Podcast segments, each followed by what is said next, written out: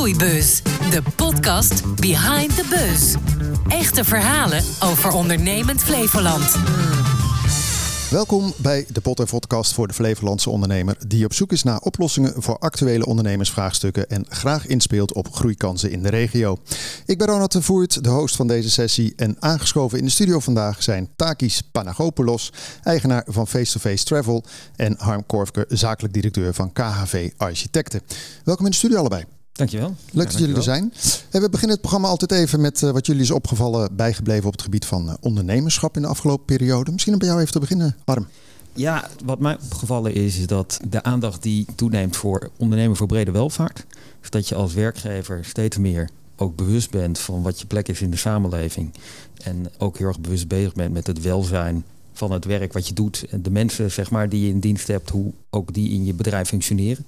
Dus dat je niet alleen kijkt naar van wat, uh, waar zijn we mee bezig en hoe halen we een optimaal rendement. Maar dat je ook kijkt naar het rendement wat je werk voortbrengt zeg maar, in de samenleving en ook in je eigen team. Eigenlijk een soort van sociaal ondernemerschap, maar dan ook maatschappelijk uitgedragen. Nou, ik, ik, denk sociaal ondernemerschap is echt een aparte vakterm zou ik zeggen. Maar het is meer gewoon jij bewustzijn van je plek in de maatschappij en uh, dat ook tot uiting laten komen in de beslissingen die je neemt. Vind je dat bedrijven dat voldoende doen of zou dat al meer kunnen? Ik denk dat bedrijven dat al best wel veel vanuit zichzelf doen. Ik denk dat we elkaar daar ook nog meer in kunnen inspireren. Ja, wat dat betreft denk ik ook dat we gewoon veel te bieden hebben als ondernemers. Omdat je praktisch bent, hands-on. En als je een ondernemer vraagt om, uh, om ideeën en je, je besluit met elkaar van nee, dat is een goed idee dan uh, gaan we ga, uh, over het algemeen ook gewoon gelijk de volgende dag ermee aan de slag. Dus, uh, zo hoort het ook. Ja. Ben je ook zo bezig met jouw bedrijf, met Face-to-Face -face Travel? Alleen wij houden ons grotendeels bezig met verduurzaamheid op dit moment.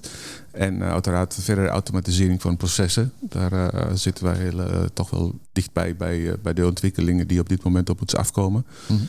Het is voor ons heel erg belangrijk om uh, daardoor ook ons rendement te, verhogen. En um, ja, onze zelfstandige ondernemers die in de regio zitten, die proberen dan toch wel uh, via een persoonlijk contact uh, de boodschap ook over te brengen naar hun klanten. Dus op deze manier proberen we toch wel ja, vooruit te zijn op ontwikkelingen die op dit moment ja, gaande zijn. Gaan we zeker dadelijk nog even over hebben, Takis. wat is jou opgevallen op het gebied van ondernemerschap afgelopen periode? Nou, wat mij is opgevallen is dat um, uh, wij uh, toch wel uh, regelmatig opdrachten ontvangen die um, een bepaalde complexiteit hebben. En um, ja, wij daar dan veel tijd voor besteden om de klant de juiste, het juiste aanbod te doen. En steeds meer daardoor ons moeten gaan ontwikkelen. En onze procedures en processen intern moeten toch wel blijven verbeteren. En uh, daar, dat is voor ons een hoofdtaak op dit moment. Maar wat bedoel je met uh, complex? Want ik kan me juist voorstellen in deze tijd dat hè, met het gedoe natuurlijk met het reizen, hè, de lange rijen tot het uitvallen van vliegtuigen, dat dat hetgeen is wat jou natuurlijk uh, vooral opvalt. Maar wat bedoel je met complex? Complexe nou, reizen? Uh, dat is dus meer um, een verschil van, van, van, van, van de reis. We, zijn, we zitten natuurlijk in eerste, in eerste deel in het begintraject. De opdracht vanuit de klant die, die heeft een bepaalde wens. En daar moeten we dus toch wel proberen te voldoen. En daarin zit een, ja, een bepaalde complexiteit waar wij dan zeggen van oké, we moeten voldoen aan de eisen van de klant. En die, zullen, die kunnen heel divers zijn. Dus niet alleen maar op het gebied van bestemming of op uh, thematiek van zijn reis. Maar ook uiteraard de vraagstukken zoals ja, duurzaamheid. hoe gaan we om met de bevolking ter plekke? Waar gaat eigenlijk mijn geld naartoe? zeker op verre reizen is dat een heel belangrijk onderdeel van onze advisering. Mooi is dat eigenlijk. Is ook eigenlijk heel erg maatschappelijk ingestoken. Ja, zeker. Ja. Hey, even ook, want uh, Takis, jij bent eigenaar van Face-to-Face -face Travel. Dat ben je in 2007, 2008 begonnen. Eigenlijk een soort reizen hè, op maat, wat je al zegt. En jij werkt eigenlijk met travel managers die remote werken. Om het heel kort samen te vatten. En ze krijgen eigenlijk ondersteuning vanuit jouw bedrijf. Klopt. Dan is maar voor mij even de vraag: waar kan jij dan als ondernemer wakker van liggen? Want je zou kunnen zeggen, nou ja, je hebt heel veel verschillende mensen in dienst, ad hoc hè, of remote. Waar kan je wakker van liggen? Nou, ik kan uh, wakker van liggen uiteraard de laatste tijd over uh, de ontwikkeling rondom uh, de vertragingen en de wijzigingen van, van, de, van de airlines. Omdat het is, dat gebeurt ja, onverwachts. Op momenten dat je dan, zeker in het begin, en nu is er toch wel een bepaalde regulering daarin, dat je dan anderhalf tot twee maanden van tevoren te horen krijgt of wel of niet je klanten naar de bestemming gaan. Dan kan je erop inspelen uiteraard en alternatieven gaan zoeken.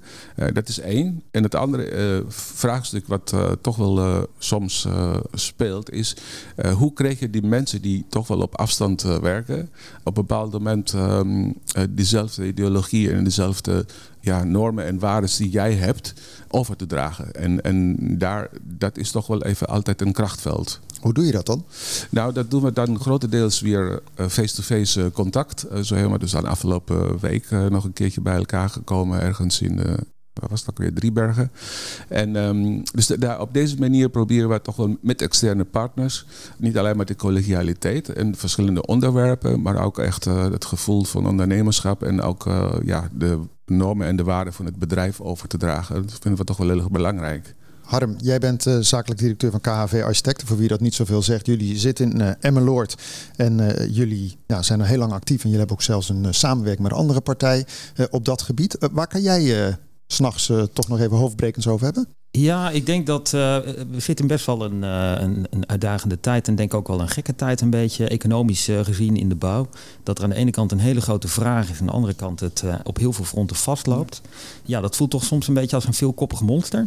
Ook wel een stukje onzekerheid over van hoe gaan we dat nou oplossen met elkaar en wat, ja, wat gaat de impact zijn, zeg maar. Ik zie uh, op dit moment in mijn eigen bureau ja, zie ik dat we nog, nog gewoon goed door kunnen, zeg maar. En we zijn ook altijd een uh, heel proactief bureau geweest. Dus in die zin dat we ook uh, ja, de focus hebben op groei. En in die zin ja, dat ik niet zo bang ben op grote vraaguitval of dat we terugvallen. Maar het punt is wel dat je, als je kijkt gewoon naar de woningmarkt, er is gewoon een enorme woningnood. En ja, tegelijkertijd loopt, loopt de productie eigenlijk alleen maar terug door, door de stikstof door de stijgende rente, zeg maar. En op zich is die rente niet eens heel gek. Alleen in combinatie met hoge bouwkosten op dit moment... Ja, is dat wel een beetje een uh, ongelukkige cocktail. Maar zit jij dan ook in een bepaald segment... waardoor je nog meer lasten van hebt? Want je kunt ook zeggen, je kan dat gewoon spreiden. Hè? Nee, nou wij hebben wel als bureau... Kijk, wij, zijn, uh, uh, wij hebben het overgenomen in de crisistijd. En die crisis die was heel heftig. Dus toen is een beetje de helft van de sector zeg maar weggevaagd. En in die zin zijn wij toen ook gelijk ja, zijn we heel divers gegroeid. En uh, die diversiteit die hebben we door de jaren heen enorm gewaardeerd. En vind ik ook heel belangrijk, ook omdat het leuk is. Maar daarnaast ook omdat het juist in dit soort tijden zeg maar, uh, gespreid risico uh, geeft. Dus wij kunnen zelf ook heel goed anticiperen op van nou ja, op het moment dat seriematige woningbouw terugloopt hebben we andere terreinen waar we meer energie in kunnen steken. Maar goed, tegelijkertijd is het natuurlijk ook gewoon een maatschappelijk probleem het feit dat je uh, jong volwassen bent en dat je gewoon echt, echt niet weet of je uh, in de nabije toekomst wel een keer een woning kan krijgen. Punt 1 of je een woning kan krijgen en punt 2 een woning kopen. Dat lijkt soms helemaal een heel ver, ver van je bedshow.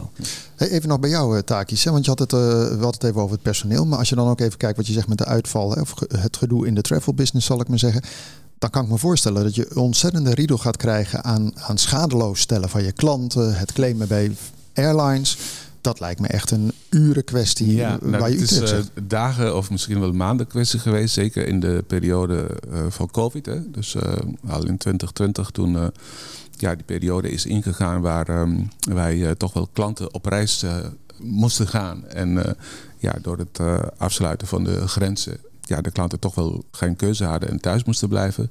En daar is een paar jaar geleden de wet op pakketreis geïntroduceerd. En nou, daar wil ik niet heel ver op ingaan. Maar wat eindelijk op neerkomt is dat op het moment dat een, klas, een reis niet kan eh, worden uitgevoerd, dat je dan de klant schadeloos kan stellen. Nou, het probleem dan is dan dat je dan uh, toch wel uh, verschillende reisonderdelen hebt voor het maken van zijn reiswens. En um, in die reisonderdelen om toch wel of een betere prijs te krijgen of zekerheid te krijgen op verblijf ter plaatse, moet je dan vooruit betalen. Dus als je klanten hebt die naar Sri Lanka willen. En um, nou, je hebt de airline tickets gekocht op, op een moment zes, zeven maanden voor uh, vertrek. Om uh, die goede prijs te krijgen, goede stoelen te krijgen, bij wijze van spreken. En ter plekke om die goede hotels met de goede kamers te krijgen. Of een gids te krijgen die toch wel van het land uh, van af weet. Op bepaalde datum. Dan moet je daar toch wel een stukje vooruit betalen. Nou ja, en deze gelden, op het moment dat je een reis moet uh, annuleren, voor welke reden dan ook, die moeten dan weer terugkomen naar uh, de klant. En dat uh, was dan toen de tijd een hele grote uitdaging. En dat heeft toch wel ook slaaploos. Ja, maar ik kan me ook voorstellen, op een gegeven moment kun je niet meer omboeken. Want ja, als er geen vliegtuigen meer zijn, zullen we zeggen, dan houdt het ook een beetje op.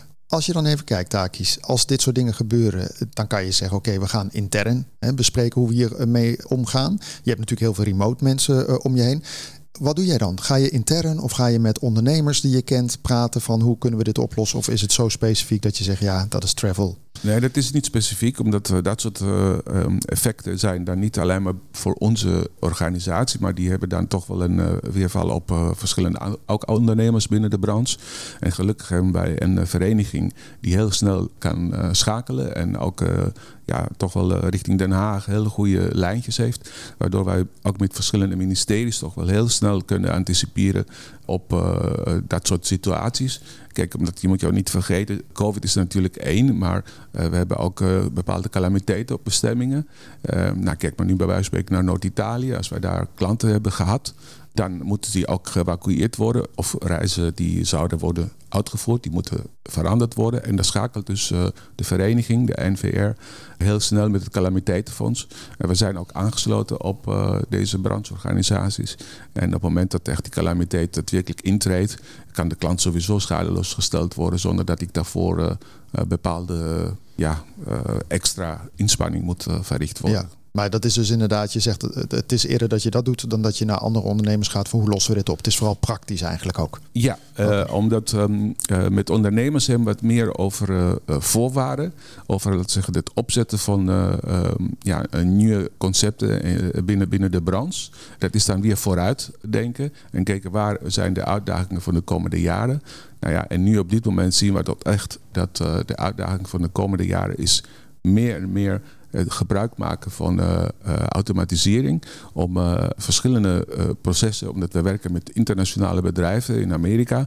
Nou ja, ze zijn geleerd bij wijze van spreken om op, op andere manier een product te ontsluiten. Wij op een andere manier. Er is wildgroei ontstaan. Ja, dat moeten we dus nu bij elkaar brengen om die efficiëntie te doen, dat werk te doen. Hoe is dat bij jou geregeld, Harm? Heb je ook een brancheorganisatie waar je even aanklopt?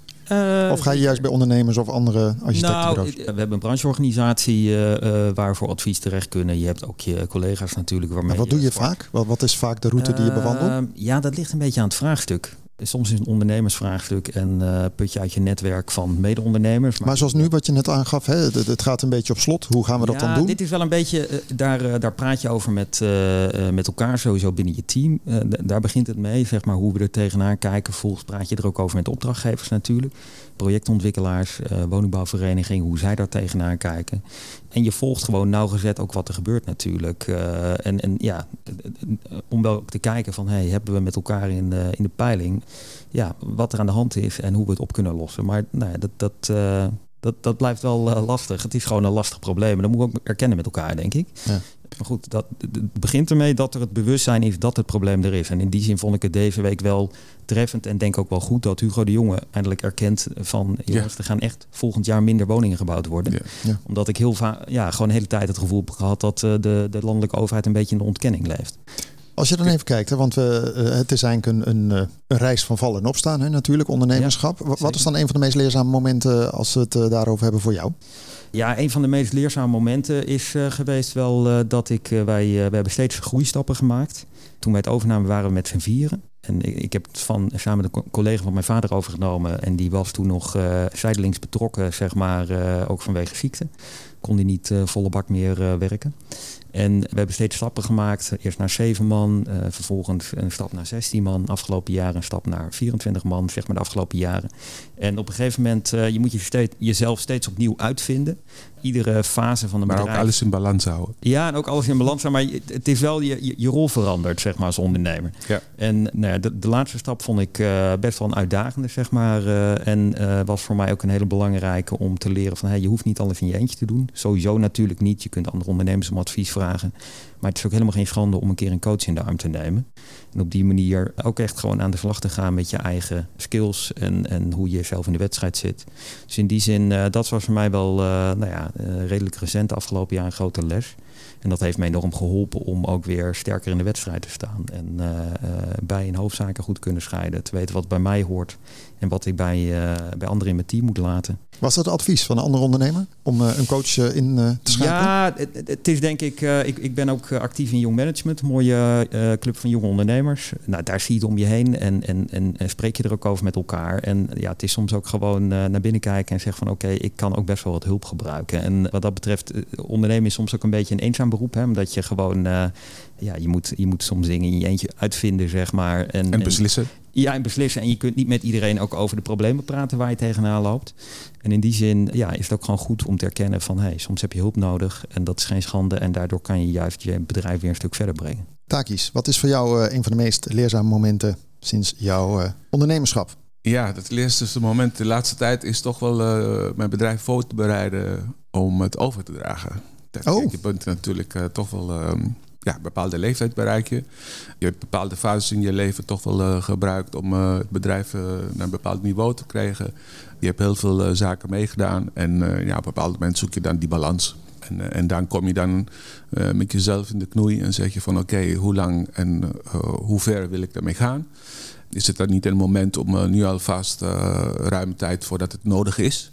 Hm. Om te kijken hoe je bedrijf uh, kunt overdragen. Maar is het leerzame aspect in deze dat je dat inzicht hebt om dat vroegtijdig te gaan ja. starten? Ja, en ook de manier waarop je dat doet. Soms uh, zit er toch wel een bepaalde technische achtergrond in, in, in je bedrijfsvoering. Uh, waar, um, Want hoe pak jij dat aan, even in het kort? Nou, ik, ik vraag je uiteraard binnen mijn vriendenkring zijn er toevallig een aantal mensen die mij daarin kunnen adviseren. En, ehm, en dat heb ik dan toch wel heel goed uh, gesprekken mee gehad. En uh, dat is toch wel heel, waardevol geweest. En aan die andere kant om te lezen. Ik ben meer een Einzelganger, een eenpitter. Dus ik gebruik de taalkennis die ik heb uh, om toch wel me te laten inspireren met verschillende boeken en verschillende ideologieën ook van buitenaf. En dan kom je toch wel op een bepaald moment tot een beslissing die van jou is, die bij jou past. En die jij ook echt goed hebt voorbereid. En uh, nou ja, als ik nu zie hoe ver ik ben daar in het proces de afgelopen drie kwart jaar zo'n beetje, dan ja, mag ik mezelf toch wel een schouderklopje geven. Want het is wel een hoezarenstartje geweest. Dus. Wanneer verwacht je dan uh, het over te dragen? Nou, ik heb dus nu 40% uh, van uh, het bedrijf, of van de aandelen, die dus overgedragen zijn. Ja, en de rest denk ik, ja, misschien wel in de loop van de komende drie, vier jaar afhankelijk okay. hoe oh, die behoeften zijn. Dat is best uh, tijdig inderdaad. Wat is de grootste dreiging überhaupt bij jou in het uh, vakgebied? Waarvan je zegt van nou, dat, dat moeten we tackelen? Nou, de grootste dreiging is uh, de populariteit in dit geval die op dit moment ontstaat door te zeggen dat wij niet meer hoeven te reizen. Ik ben ook een reiskind. Ik ben ook hier naartoe gekomen vanwege het feit dat het mogelijk was om te kunnen reizen. En uh, ik denk dat uh, reizen ons um, toch wel de horizon opent. We kunnen van andere culturen heel veel leren. En um, uh, we kunnen de mensen ook helpen naar een, zich verder te ontwikkelen. Ik was in het voorjaar op een reis door Argentinië. En ik zie daar ondernemers vanuit Nederland die echt hun kennis meenemen. En de lokale mensen toch wel helpen om het toe te passen ter plekke. waardoor je dan ziet toch wel ook daar de verhoudingen onderling, de contacten met de overheid wil beter worden. Waardoor bij wijze van spreken ook de bijdrage van de ondernemer naar de overheid ook ja, zichtbaar is. waardoor ook criminaliteit wordt verminderd. en dat komt eigenlijk omdat wij ons als Nederlanders, wij als Nederlanders ook de mogelijkheid hebben om op zo'n bestemming terecht te komen en onze kennis te kunnen verder geven. Als dat op een bepaald moment niet ontstaat, ja, of niet meer is, ja, dan verliezen we toch wel ook de draagvlak eh, ter plekke. Dus dat heeft ook zo'n voordeel. Aan de andere kant is het zo dat er wordt heel veel gespeculeerd of de laagprijzig en is de lage prijs toch niet een onderdeel van, ehm, van het um, in mindere goede staat de bestemming te houden. Maar het is ook zo dat een lagere prijs ontstaat niet omdat wij het willen. Een lagere prijs ontstaat omdat uh, bepaalde uh, systematiek in het land van bestemming het, het, het aanbiedt. En omdat wij ook hier ook te maken hebben met een bevolkingsgroep die ook op reis zou moeten. Omdat je kan je niet voorstellen als wij bij spreken anderhalf miljoen Nederlanders die op dit moment een beetje in de armoedegrens zitten, niet meer op reis kunnen helpen. De impact van het niet reizen is in ieder geval groter dan alleen het niet reizen voor jou, zeg maar voor je business. Ik kan me voorstellen dat jij voor Lelystad Airport dat jouw handen omhoog gaan als het uh, open zou moeten denken. Morgen. Morgen. Ja. Niet vandaag. Morgen. Nou ja, kijk, uh, we moeten ons voorbereiden nog. Hè. Uh, nou, waarom eigenlijk Lelystad Airport? De regio en ondernemers in de regio hebben alvast heel veel geïnvesteerd voor de luchthaven. De luchthaven die voldoet aan alle normen voor wat betreft duurzaamheid, milieuaspecten, heeft sowieso alle stikstof. Stikstofruimte. Ja, stikstofruimte opgekocht in, samen met, met Schiphol. En is klaar om te openen. En ik denk ook dat voor vluchten, laat zeggen tot 1500 kilometer tot 2500 kilometer, toch wel een hele goede hulp kan zijn, ook naar, voor Schiphol. En um, die aanvliegroutes voor uh, Lelystad zijn derhalve dat wij echt geen last gaan hebben. Oké, nou dat is. Uh, wachten dan nog eventjes, zou ik maar zeggen. Ook weer op de politiek waarschijnlijk. Uh, als je even kijkt naar het uh, architectenvak. Ja. dan hebben we het over het zit op slot. Maar goed, daar moeten ook kansen zijn natuurlijk. Anders dan, dan gaat het helemaal doodbloeden. Wat zijn volgens jou dan de kansen, ondanks alle bedreigingen? Kijk, de kansen voor ons zitten in de complexiteit van de ruimtelijke vraagstukken. We zijn wel het bewustzijn van, we, we hebben een relatief klein land, dus we moeten oppassen dat we niet gewoon alle open ruimte weer verder dichtbouwen. En dus ook kijken van wat voor kansen liggen er binnen de steden, binnen de gebouwde omgeving. En kijken hoe je daar goede creatieve oplossingen voor bedenkt. Maar zoals in de regio hier, dan, dan denk ik van nou, daar zitten toch veel kansen, denk ik. Hartje Amsterdam is het minder, maar ik bedoel in de Nee, maar zeker. Kijk, en ik denk als je ook kijkt, uh, kijk, Flevoland is natuurlijk een jonge provincie. Dus in die zin uh, zie je ook dat natuurlijk hier langzamerhand, uh, kijk, wij ondernemen zelf in Emmeloord. Emmeloord heb je gewoon nu heel veel gebouwen die vanuit de oprichtingstijd zijn, die het einde van hun levensduur hebben bereikt. Dus dat je gaat renoveren, dat je gaat kijken naar nieuwe plekken. Nou goed, Emmeloord is wel ruim opgezet, dus daar heb je nog niet zozeer te maken met beperkte ruimte, zeg maar. In steden is dat natuurlijk meer. Wij zitten ook best wel wat in de regio Zwolle. Zwolle is natuurlijk een enorm bruisende stad. Maar, maar, je zou toch ook kunnen zeggen herontwikkelen? Ik bedoel, dat is hier in Almere. Dat, dat is, is, is, dat niet een oplossing? Ja, nee, maar zeker. Dat is een oplossing. En, en daar heb je ook, en dat is gewoon een kans, denk ik, voor de, voor de architect. Omdat heb je de creativiteit en de kundigheid van architecten voor nodig. Omdat je moet nadenken over hoe kunnen we goede oplossingen bedenken. Hoe kunnen we gebouwen een nieuwe bestemming geven.